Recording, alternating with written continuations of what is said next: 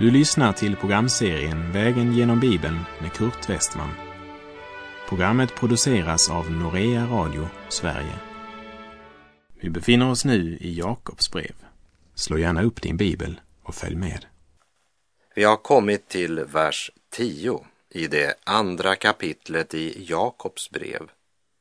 Vi avslutade förra programmet med att Jakob påminde oss om att vi ska älska vår nästa som oss själva. Då handlar vi rätt. Men om vi gör skillnad på människor begår vi synd. Och lagen överbevisar oss om att vi är överträdare. Vi läser Jakob kapitel 2, vers 10. Ty den som håller hela lagen men bryter mot ett enda bud är skyldig till allt. Jakob säger inte att om du bryter ett av buden så har du därmed brutit alla buden. Men han säger att du har brutit mot lagen oberoende av vilket bud du har brutit. Någon menade kanske att ett så litet brott mot lagen som att göra skillnad på folk, det kunde väl inte vara så allvarligt. Och trots allt är vi ju alla syndare. Därför understryker Jakob lagens helhet.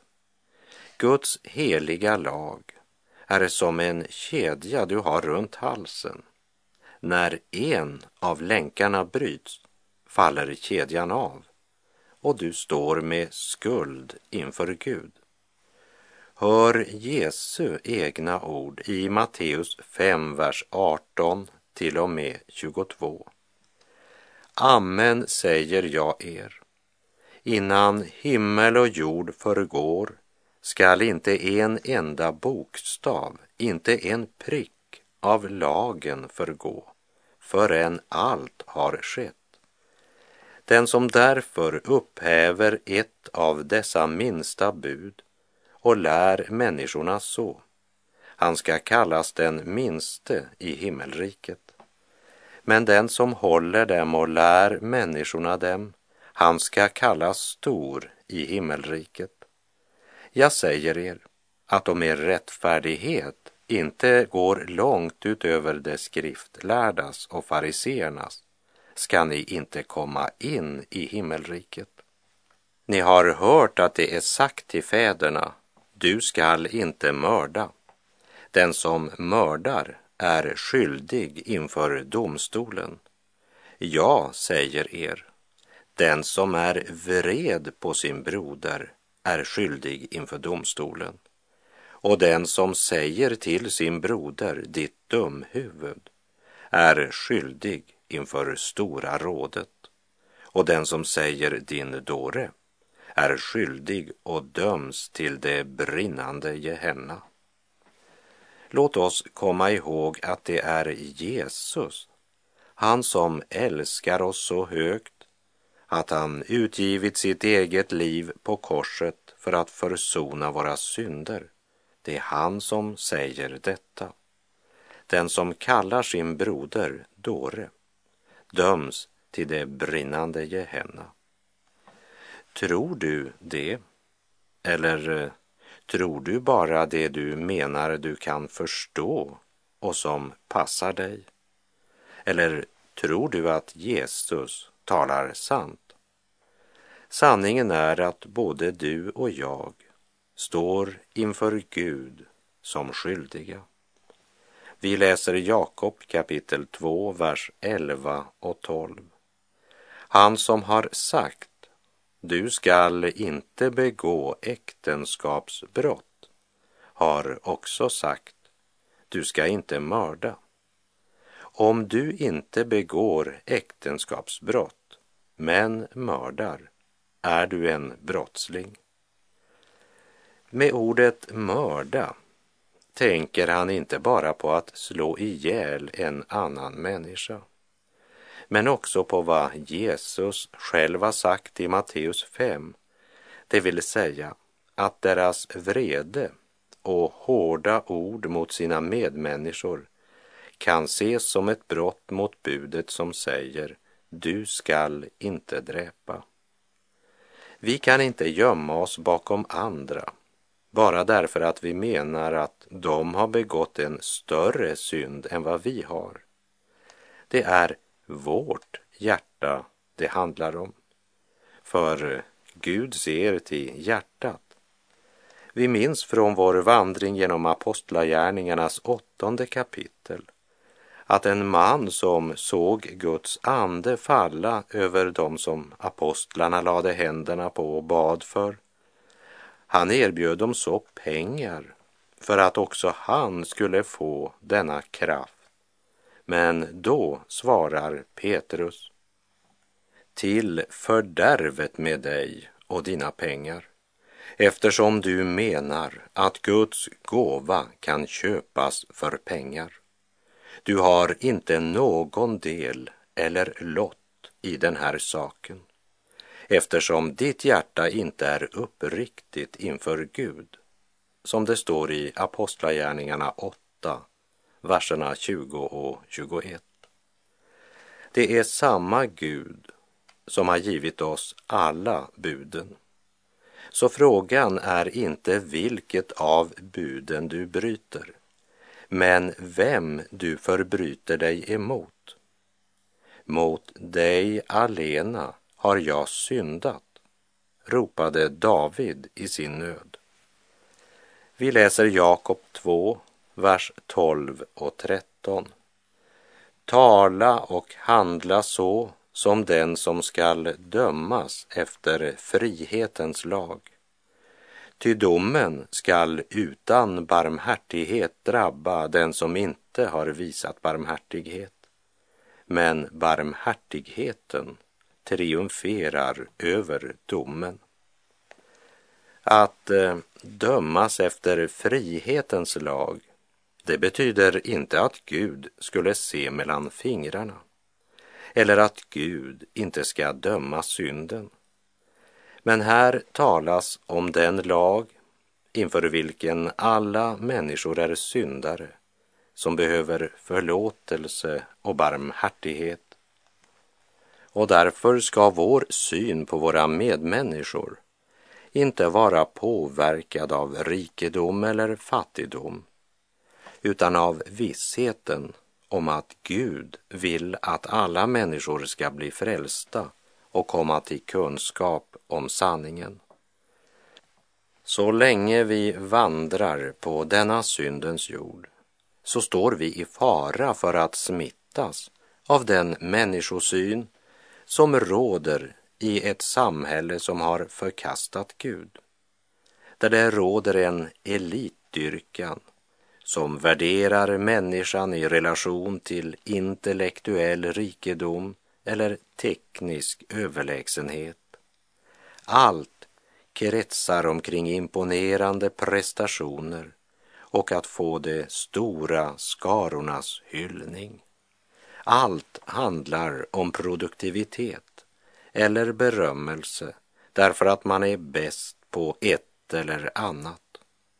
Det är bara guldpokalen som räknas. Du måste vara bäst. Och i ett sådant samhälle blir vanliga, allmänna människor bara till ett nummer i systemet eller en arbetskraft en liten bricka. Men vårt tal och vårt handlande ska inte vara styrt av ett sådant människosyn. Det som dominerar denna världens värderingar och lagar.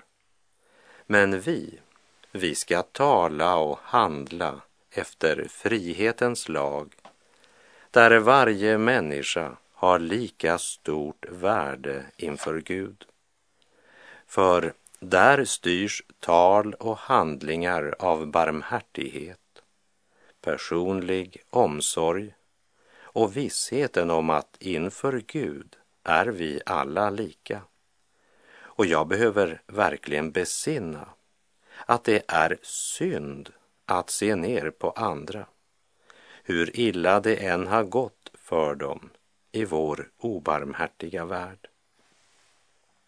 Det berättas följande som hände i London för många år sedan då en predikant som var en ung och ödmjuk Herrens tjänare blivit inbjuden till ett stort, gigantiskt och luxuriöst hem där en utsökt musical blev presenterad.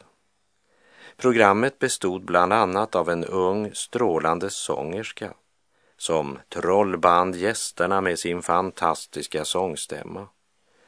När hon sjungit färdigt trängde sig den unge predikanten fram genom den stora mängden som stod runt henne. Och när han till sist fått hennes uppmärksamhet så sa han Unga dam, när jag satt här och lyssnade tänkte jag på vilken stor nytta det skulle vara för Kristi rikssak om du vigde ditt liv och din röst till att tjäna Herren. Men, sa han, du är lika mycket syndare som den djupast fallna alkoholisten som vandrar runt på gatorna i stan. Men jag är glad att kunna berätta att Jesu, Guds sons blod kan rena dig från alla dina synder om du vänder om till honom. Stolt och mycket förnärmad vänder hon sig bort ifrån honom och utbrister. Vilken enorm förolämpning! Och så gick hon bort ifrån honom. Men den unge predikanten svarade. Det var inte min mening att förolämpa. Men jag ber att Guds helige ande ska överbevisa ditt samvete. Till sist gick alla hem men den unga sångerskan kunde inte sova den natten. Och klockan två på natten böjde hon knä vid sin säng och tog emot Jesus som sin frälsare. Och när denna sångerska som hette Charlotte Elliot sedan satte sig ner så skrev hon dessa välkända ord. Just som jag är, ej med ett strå av egen grund att bygga på, blott på den grund att du för mig har dött och själv oss bjöd till dig. Jag kommer, o Guds lam. Just som jag är i denna stund, så kall och död och ond i grund, att finna allt som fattas mig i saligt överflöd hos dig. Jag kommer, o Guds lam. Och så den sista versens triumferande jubelfanfar. Just som jag är, jag nu och tror och prisa vill din kärlek stor vars bredd och längd och djup och höjd jag lova skall i evig fröjd lovpris Guds dyra lam. Så talar och handlar den som ska dömas efter frihetens lag. Och det är på den grunden vi alla måste komma till Kristus.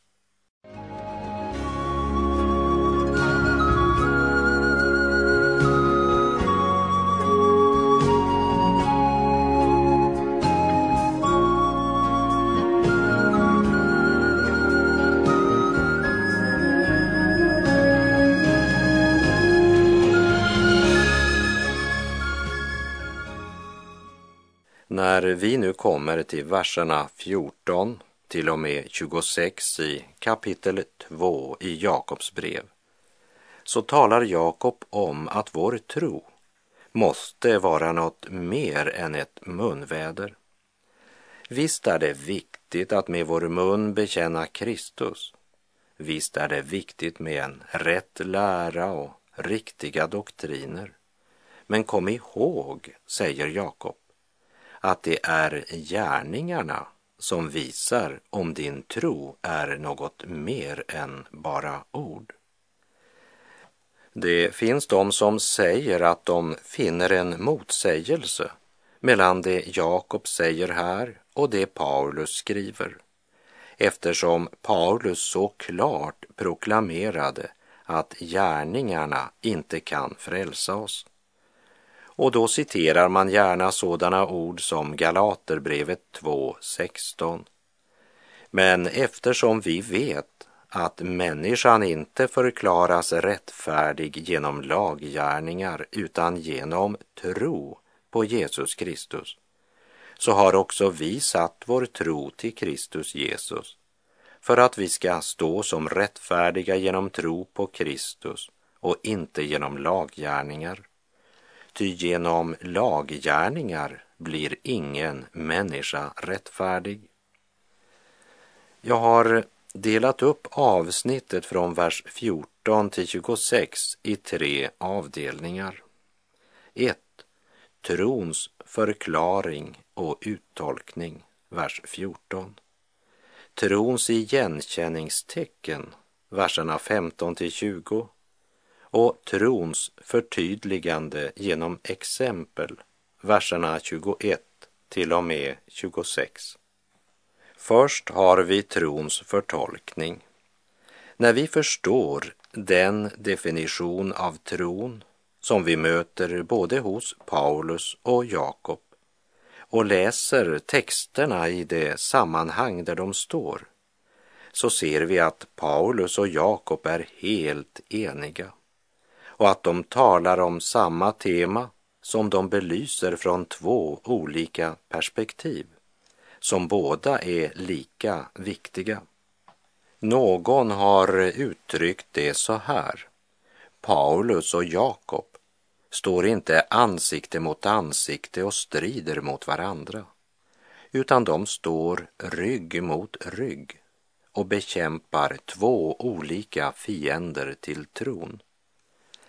Det fanns de som hävdade att du var tvungen att göra lagens gärningar för att på den vägen finna frälsning. Paulus svarade med att säga att ingen blir rättfärdig genom laggärningar, utan endast genom tro på Kristus blir du frälst. Det är viktigt att förstå både den terminologi som Paulus använder och den Jakob använder när de vänder sig till två olika fiender till tron. Paulus säger att en frälsande tro, det vill säga en sann och äkta tro, förändrar, förvandlar en människas liv. Paulus säger ju om sig själv i Filipperbrevet 3.7 men allt det som var en vinst för mig räknar jag nu som förlust för Kristi skull. Tron skapade en total revolution i Paulus liv. En total omvärdering av allt. Allt det som var en vinst för honom räknar han nu som förlust för Kristi skull. Han har fått en helt ny målsättning för sitt nuvarande liv. Ögonblicket har fått evighetsperspektiv. Och det förde till en så konkret förvandling i hans liv att han skriver följande förmaning till de troende i Filippi. Filipperbrevet 3, vers 17. Bröder, ta mig till föredöme och se på dem som lever efter den förebild ni har i oss. Det borde varje kristen säga till sina trossyskon, ta mig till föredöme. Jakobs brev 2, vers 14. Mina bröder, vad hjälper det om någon påstår sig ha tro men saknar gärningar? Kan väl en sådan tro frälsa någon? Jakob talar inte om laggärningar. Han säger helt enkelt att med den frälsande tron följer det en frukt och den frukten heter goda gärningar.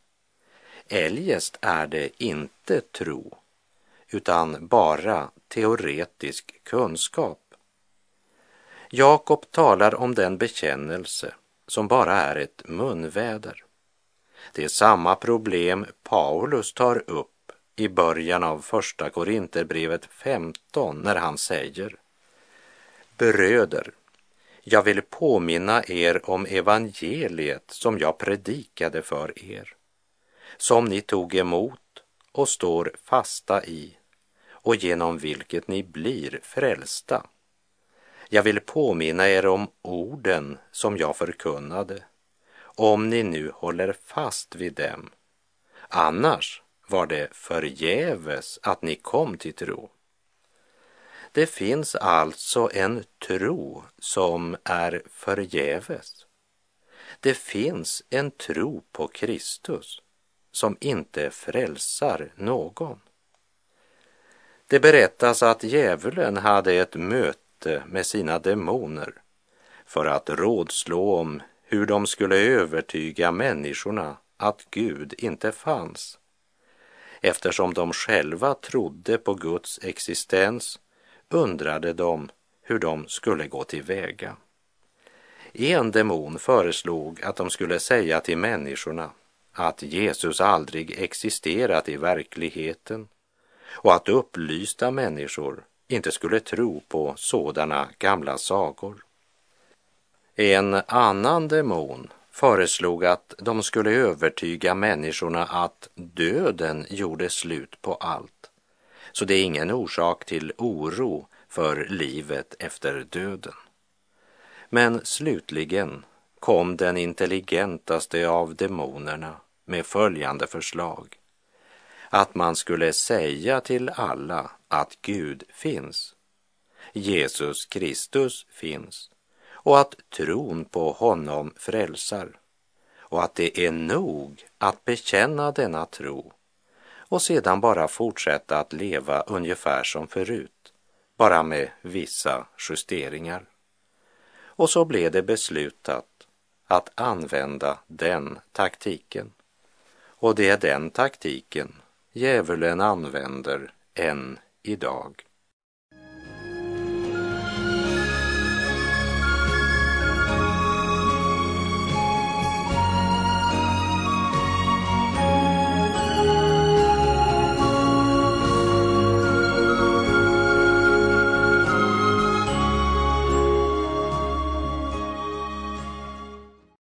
Det råder full harmoni mellan Paulus och Jakobs undervisning. Ingen kan bli frälst genom laggärningar. Men den som mottar rättfärdigheten från Gud genom tron genomgår en total förvandling som blir uppenbar för alla. Blir det ingen förvandling så är det därför att man inte har en frälsande tro. Man bara håller det för sant att Bibeln är Guds ord. Och man håller det för sant att Jesus dog för syndare. Men också de onda andarna tror det och bävar. I Galaterbrevet 2, vers 16 så gör Paulus det klart att ingen människa förklaras rättfärdig genom laggärningar utan genom tro på Jesus Kristus. Men låt oss inte glömma att det är samma Paulus som i Galaterbrevet 5, vers 6 säger Ty i Kristus Jesus beror det inte på om vi är omskurna eller oomskurna utan om vi har en tro som är verksam i kärlek. När Jakob säger Mina bröder, vad hjälper det om någon påstår sig ha tro men saknar gärningar? Kan väl en sådan tro frälsa någon? Så är det precis på samma linje som Jesus och Paulus. Hur ska vår nästa kunna se vår tro om inte tron får en rent praktisk konsekvens i vardagen? När trons ljus tänds i vårt hjärta genom Guds ord och den helige Andes gärning så väntar sig Gud att vi ska sätta detta ljus i staken så att det lyser för alla i huset. Jesus själv han uttrycker det så här i Matteus 5.16. Låt på samma sätt ert ljus lysa för människorna så att de ser era goda gärningar och prisar er fader i himlen. Människorna ska se våra goda gärningar, säger Jesus. Det är inte nog att hålla det för sant att Jesus frälsar syndare. Det är inte nog att säga jag tror på Jesus. Jag är ett Guds barn. Det är bara hyckleri eller självbedrägeri. Om vi bekänner oss tro på Kristus, om inte detta trons liv visar sig i goda gärningar. Vi läser Jakobs brev kapitel 2, vers 14 till och med 17. Mina bröder, vad hjälper det om någon påstår sig ha tro men saknar gärningar? Kan väl en sådan tro frälsa någon? Om en broder eller syster inte har kläder och saknar mat för dagen och någon av er säger till dem, gå i frid, klä er varmt och äter mätta, men inte ger dem vad kroppen behöver, vad hjälper det? Så är också tron i sig själv död när den är utan gärningar. En Jesu lärjunge är inte kallad att springa runt och tycka synd om folk, utan kallad att räcka ut sin hand till hjälp. Men endast den som lever kan räcka ut handen. Ett lik kan varken stå eller gå eller lyfta någon börda. I Romarbrevet 8, verserna 2 till och med 9 proklamerar Paulus Ty livets andes lag har i Kristus Jesus gjort mig fri från syndens och dödens lag. Det som var omöjligt för lagen, svag som den var genom den syndiga naturen, det gjorde Gud genom att sända sin egen son som syndoffer, han som till det yttre var lik en syndig människa, och i hans kropp fördömde Gud synden. Så skulle lagens krav uppfyllas i oss som inte lever efter köttet utan efter anden. Det som lever efter sin kötsliga natur tänker på det som hör till köttet. Men det som lever efter anden tänker på det som hör till anden. Köttets sinne är död, men andens sinne är liv och frid. Köttets sinne är fiendskap mot Gud. Det underordnar sig inte Guds lag och kan det inte heller. Det som följer sin syndiga natur kan inte behaga Gud. Ni däremot lever inte efter köttet utan efter anden, eftersom Guds ande bor i er. Den som inte har Kristi ande tillhör inte honom. Och med det så är vår tid ute för den här gången. Så är också tron i sig själv död om den är utan gärningar. Herren vare med dig. Må han genom sitt ord och sin helige ande få skapa trons frukter i ditt liv och låta sin välsignelse vila över dig. Gud är god.